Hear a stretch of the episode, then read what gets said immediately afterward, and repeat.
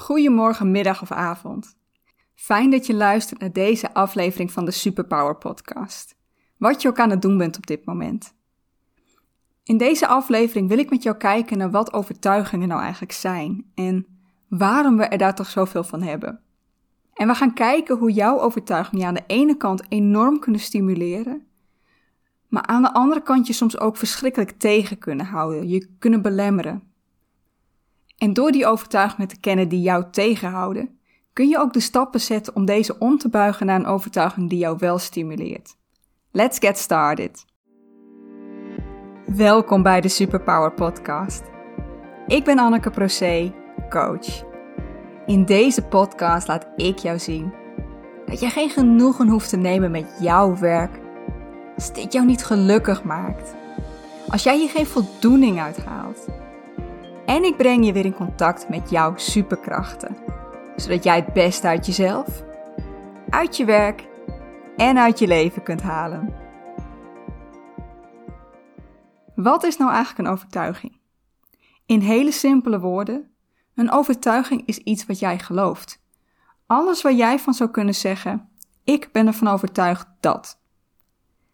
En dat kan zo simpel zijn als: ik ben ervan overtuigd dat morgen de zon weer opkomt. Nou is dit natuurlijk een overtuiging waar we ook behoorlijk zeker van kunnen zijn. Het gaat nog heel lang duren voordat de zon niet meer elke ochtend op gaat komen.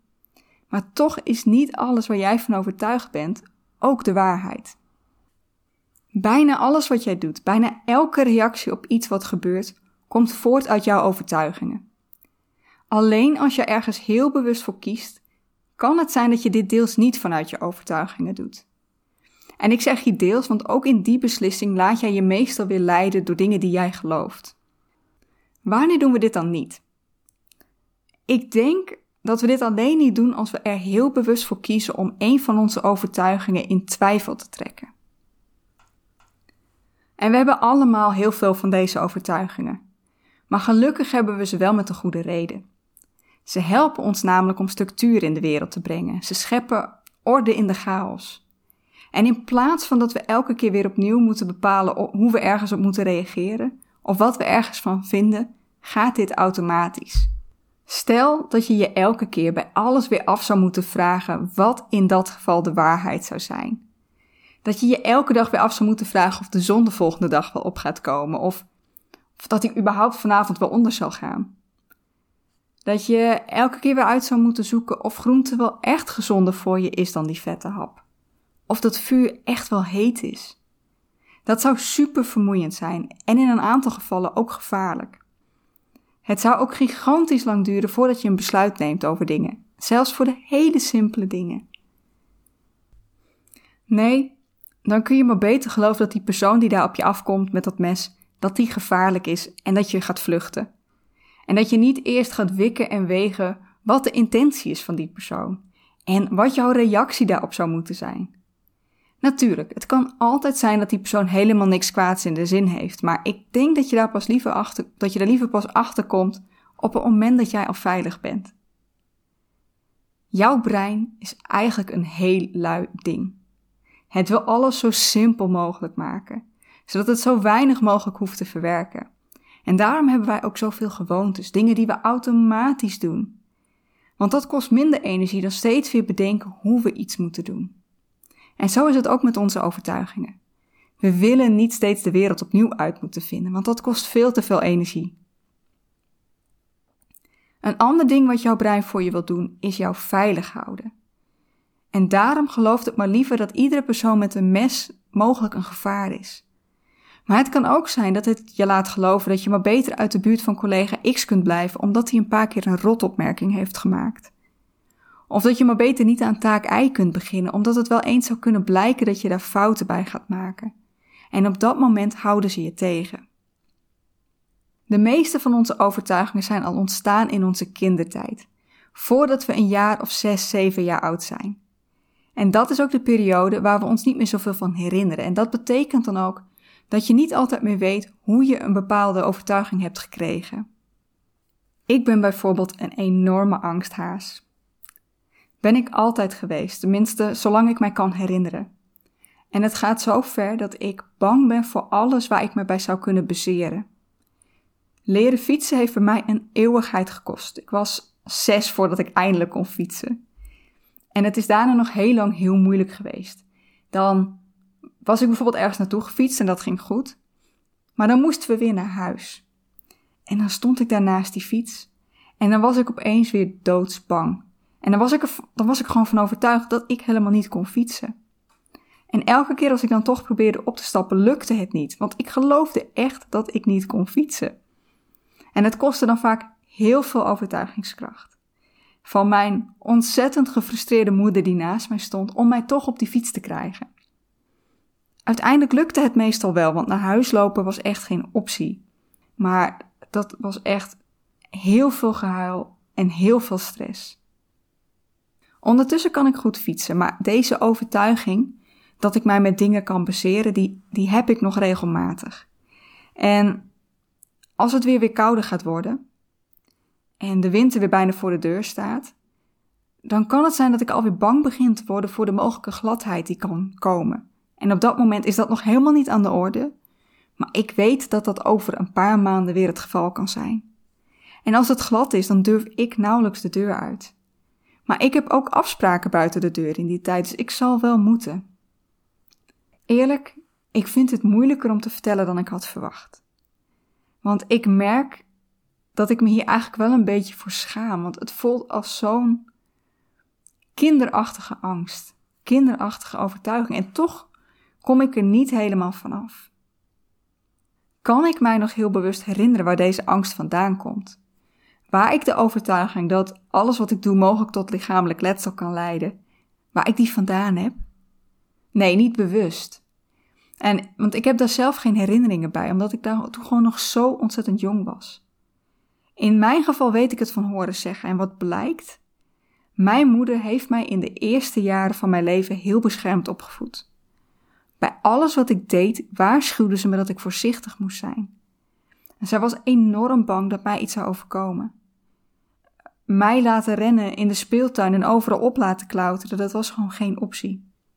En dat ging zo ver dat, weet je, als klein hummeltje wat net had leren lopen, dat als wij op straat liepen en we kwamen bij een stoep, dat ze mij ging waarschuwen voor de stoeprand waar ik op moest stappen, omdat ik mogelijk zou kunnen struikelen. Mij werd al heel vroeg geleerd dat alles wat ik deed pijn kon doen. En ik heb dat nooit weer afgeleerd. Die overtuiging zit bij mij zo diep ingebakken. En ik denk niet dat het je zal verbazen dat ik uh, vroeger bij gym en lichamelijke opvoeding totaal niet mee kon komen. En dat ik als kind nooit echt sportief ben geweest. En jouw overtuigingen zijn ontstaan door boodschappen die jij hebt gekregen. En veel daarvan kwamen van je ouders en je opvoeders. Maar ze konden ook van vriendjes komen, van je klasgenoten, van je leraren, maar ook van wat we zien op tv, uit de media. Als klein kind ben jij daar super ontvankelijk voor. Je hele brein staat open om alles te leren en leren hoe de wereld werkt, met al zijn overtuigingen, dat hoort daarbij. En als jij maar vaak genoeg hebt gehoord dat jij heel slim bent, dan ben jij dat vast en zeker gaan geloven. Als jou altijd is verteld dat je heel goed bent in leren, dan ben je daarvan overtuigd. Maar heb jij, kreeg jij vaak de boodschap dat leren jou moeilijk afging, dan ben je dat ook gaan geloven.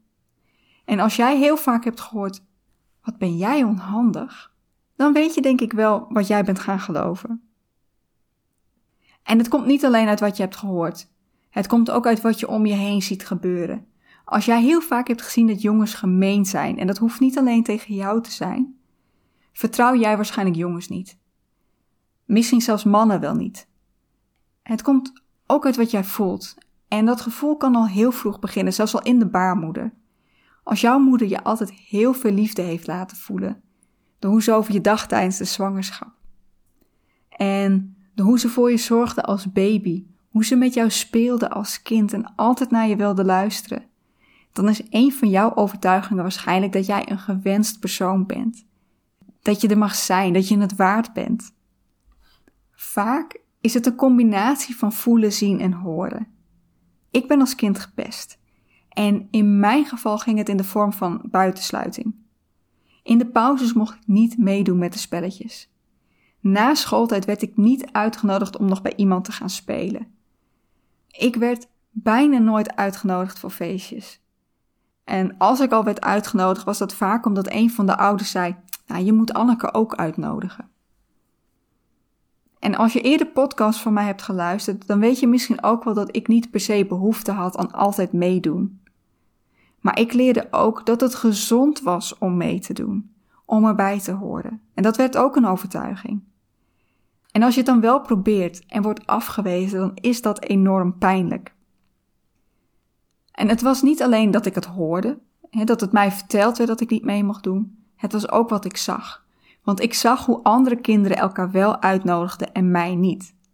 En het was ook wat ik voelde. Want ik voelde hoe zij eigenlijk niks met mij te maken wilden hebben. En ik voelde ook wat het met mij deed. En wat voor soort overtuigingen komen daaruit? Ik ben niet goed genoeg. Ik doe er niet toe. Niemand vindt mij leuk. En voordat je nu gaat denken dat die overtuigingen mijn hele leven beheersen en dat ik een zielig hoopje mens ben. Nee, ik kan niet zeggen dat ze helemaal weg zijn. Dat ze helemaal geen invloed meer hebben. Maar ik heb gelukkig ondertussen ook ervaringen gehad die het tegendeel bewijzen. Jouw overtuigingen staan gelukkig niet helemaal vast. Ook nu jij volwassen bent, vorm je nog steeds nieuwe overtuigingen. Als jij onder een manager werkt die altijd loopt te micromanagen, dan kan het best zijn dat jij nu gaat geloven dat alle managers zo zijn. Zeker als jij nog nooit onder een manager hebt gewerkt die dat niet deed. Maar je maakt nu ook dingen mee waardoor jij gaat twijfelen aan eerdere overtuigingen. Weer even die micromanager de manager als voorbeeld. Pff, lekkere woordcombinatie. Op het moment dat jij gaat werken onder een andere manager, dan zul je in het begin waarschijnlijk heel wantrouwend zijn, want je verwacht dat hij of zij dat weer gaat doen. Op het moment dat je er dan achter komt dat deze manager je veel vrijer laat en jou niet continu loopt te controleren of jij je werk wel goed doet, dan ga je twijfelen. Oh, misschien zijn niet alle managers zo.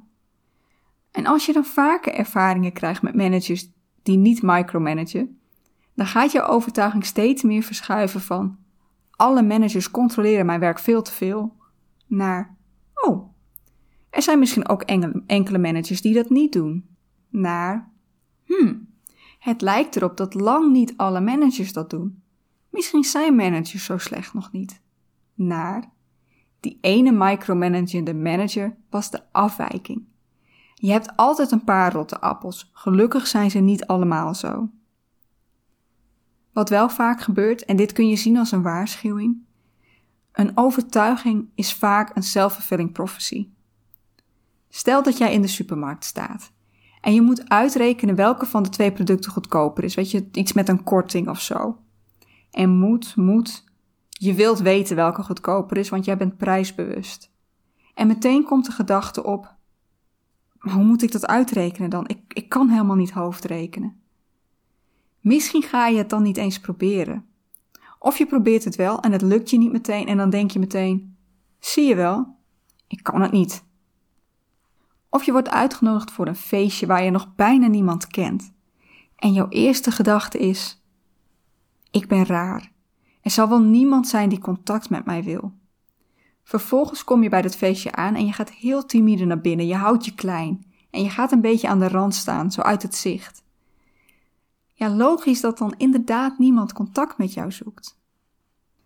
Andersom, in de positieve zin, als jij gelooft dat iets hartstikke goed zal gaan, dan stel je er ook helemaal op in dat jij dat goed gaat doen. En alleen al door die houding vergroot jij ook de kans dat dat gaat lukken. Wat weer je overtuiging versterkt dat het inderdaad goed zal gaan, ook in de toekomst. Overtuigingen die jou een goed gevoel over jezelf geven, dat noemen we positieve of stimulerende overtuigingen. Want ze geven jou zelfvertrouwen en ze zorgen ervoor dat jij stappen durft te zetten om jouw doelen te halen. Als jij gelooft dat jij alles kunt leren, dan ga je met veel meer zelfvertrouwen met iets aan de slag waar jij nog niks van weet. Want je kunt alles leren toch? Maar je raadt het al, daar staat ook iets tegenover. En ik heb het ook al in een aantal voorbeelden genoemd. Daartegenover staan de beperkende of de belemmerende overtuigingen. Ze geven jou een slecht gevoel over jezelf en ze houden jou tegen om je verder te ontwikkelen. Van jezelf geloven dat je te dik bent, dat geeft je meestal geen goed gevoel. En geloven dat je niet voor jezelf op kunt komen, dat, dat gaat ervoor zorgen dat jij je ook niet uitspreekt in situaties waar je dit eigenlijk wel moet doen. Betekent dat dat je vastzit aan die belemmerende overtuigingen? Nee, dat hoeft zeker niet. Ik heb, ik heb al aangegeven dat je ook nu nog nieuwe overtuigingen opdoet en dat jij dingen meemaakt waardoor je overtuigingen aanpassen. Als jij jouw overtuiging echt wilt veranderen, dan kan dat. Het kost je alleen wel werk. Want simpel tegen jezelf zeggen dat het tegenovergestelde waar is, dat werkt niet. De eerste stap is je bewust worden van welke overtuiging of welke overtuigingen jou tegenhouden om iets te gaan doen.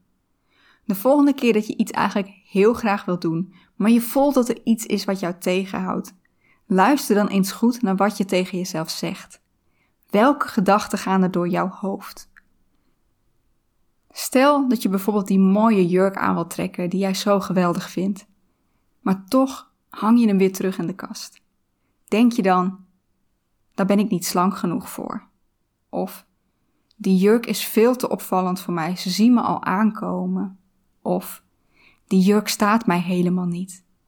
Vul hier jouw eigen gedachten in. Of je wordt gevraagd om een presentatie te geven over een bepaald onderwerp. En dat onderwerp is een onderwerp wat jij ontzettend interessant vindt. En het lijkt je hartstikke leuk om daar iets over te vertellen. En toch. Toch zit daar dat stemmetje wat jou tegen probeert te houden. Ik ben helemaal geen goede spreker. Of wie ben ik om daar iets over te vertellen? Zoveel weet ik er nou ook weer niet van. Of, nou, dat kan ik echt niet. Ik, ik klap meteen dicht, dat weet ik nu al. Bij mij hebben belemmerende overtuigingen er heel lang voor gezorgd dat ik niks aan mijn werk veranderde, terwijl ik het al heel lang niet naar mijn zin had. Which is quite the understatement. Ik ervaarde elke dag stress. Maar ik dacht dat ik niks anders kon. En ik geloofde zelf dat ik in mijn huidige functie nergens anders aangenomen zou worden, omdat ik me al heel lang niet had verder ontwikkeld in de technische ontwikkelingen. En die technische ontwikkelingen werden steeds meer een vereiste van het vak. Ik was ervan overtuigd dat ik toch nergens anders aan de bak zou komen. Dat geen enkele werkgever mij ooit zou willen. Voor mijn gevoel kon ik niet anders dan maar gewoon doorgaan, want dat was wel zo veilig. Want op die manier had ik een inkomen. En dus zei ik niks. Ik zei niet wat er speelde. Totdat mijn lichaam gewoon vond dat ik niet langer door kon gaan. En ik denk dat heel veel mensen dit doen. En misschien niet met dezelfde gedachten als ik, maar wel met andere overtuigingen die hen weer tegenhouden. Als je dan weet wat die overtuiging is die jou tegenhoudt, kijk dan eerst eens wat deze overtuiging jou oplevert. Want een overtuiging krijg je namelijk niet zomaar. Ik had het er al over dat ons brein ons wil beschermen. En dat is ook wat deze overtuigingen doen. Ooit heeft het jou heel veel opgeleverd om dit te geloven. Het enige is dat het dat waarschijnlijk nu niet meer doet. Dat ik weer gaan geloven dat niemand mij leuk vond, weet je, dat zorgde ervoor dat ik het ook niet langer hoefde te proberen. En ik hoefde niet steeds weer teleurgesteld te worden als ik weer werd afgewezen, want zo was de wereld nou eenmaal. Wat mijn brein probeerde te doen was ervoor zorgen dat ik geen afwijzing meer hoefde mee te maken, omdat ik het niet meer probeerde. Of als ik het wel probeerde en wel werd afgewezen, dat ik toch al wist dat dat ging gebeuren, dat ik me daarop had ingesteld en dat het daardoor minder pijn deed. Dus waar probeert jouw overtuiging jou voor te beschermen? Als je overtuiging je tegen probeert te houden om die mooie jurk aan te trekken, probeert hij je dan te beschermen voor een mogelijke opmerking die zou kunnen komen. Dat je inderdaad te horen krijgt dat die jurk jou helemaal niet staat. Of dat je te dik bent. En bij die presentatie probeert het je dan bijvoorbeeld al te beschermen voor een afgang. Want als je het niet doet, dan hoef je ook niet geconfronteerd te worden met het feit dat het mogelijk niet lukt. Maar dat je inderdaad opmerkingen van anderen gaat krijgen in het geval van die jurk. Of dat die presentatie inderdaad niet zo goed gaat als dat je zou hopen. Dat weet je nu nog helemaal niet. Zoals ik al zei, het helpt niet om gewoon keihard tegen jezelf te zeggen dat je overtuiging niet waar is. Want je kunt nog zo hard tegen jezelf zeggen dat je wel kunt presenteren. Als je daarvoor niet de goede argumenten hebt, dan ga jij dat niet geloven en dan ga je die overtuiging niet in twijfel trekken. Dus pak jouw overtuigingen nog eens bij. En stel jezelf eens de kritische vraag: Weet ik zeker dat dit waar is? Is dit 100% zeker waar? Kans is groot dat nu je eerste gedachte zal zijn: Ja, dat weet ik zeker, want. Want ik ben 10 kilo te zwaar. Of want toen ik vorige week iets in de groep wilde gooien, luisterde ook niemand. Want. Maar stel jezelf ook de vraag: welke bewijzen heb ik dat dit niet waar is? Of in ieder geval niet helemaal waar is? Weet je nog dat je een paar jaar geleden ook een keer een presentatie hebt gegeven die wel goed ging?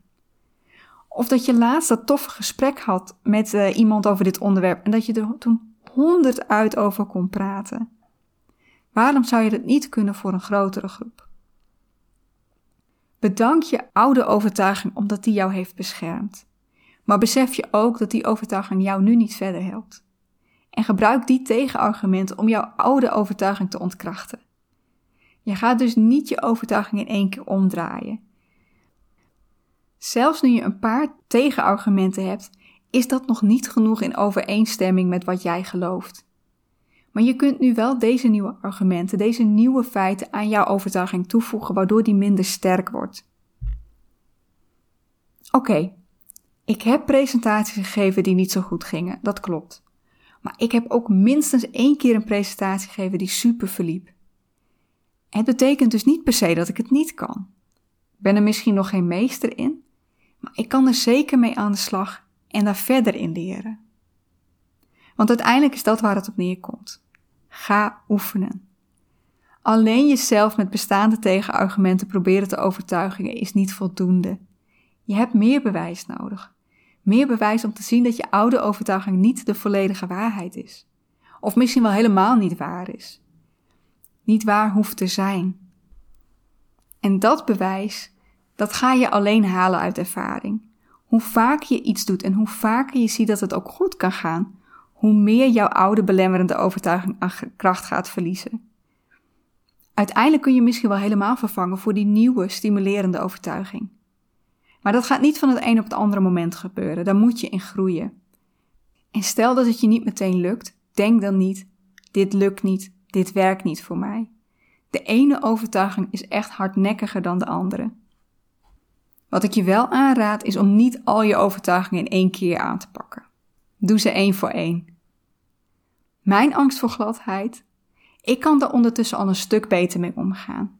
En ik vind het nog steeds doodeng. En weet je, als het echt spekglad is, er ligt zo'n laagje ijs op de weg, dan ga ik nog steeds niet naar buiten. Maar sneeuw. Ja, ook sneeuw zou ik nog steeds het liefst over willen slaan. Hoewel, sneeuw is wel ontzettend mooi om naar te kijken, verse sneeuw dan. Die vieze smurrie op de weg, die smeltende sneeuw, dat mag voor mij helemaal gestolen worden. Maar als het gaat om sneeuw, ik ben ondertussen wel vaak genoeg door de sneeuw gaan lopen om te zien dat het best wel meevalt met die gladheid.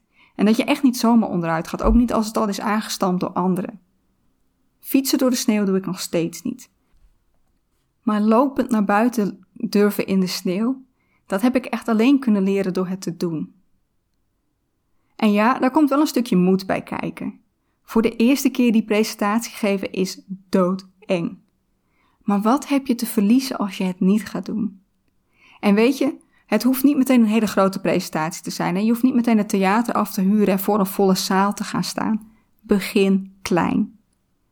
Die presentatie is maar een voorbeeld, maar kijk vooral naar je eigen overtuiging en waar die jou in tegenhoudt.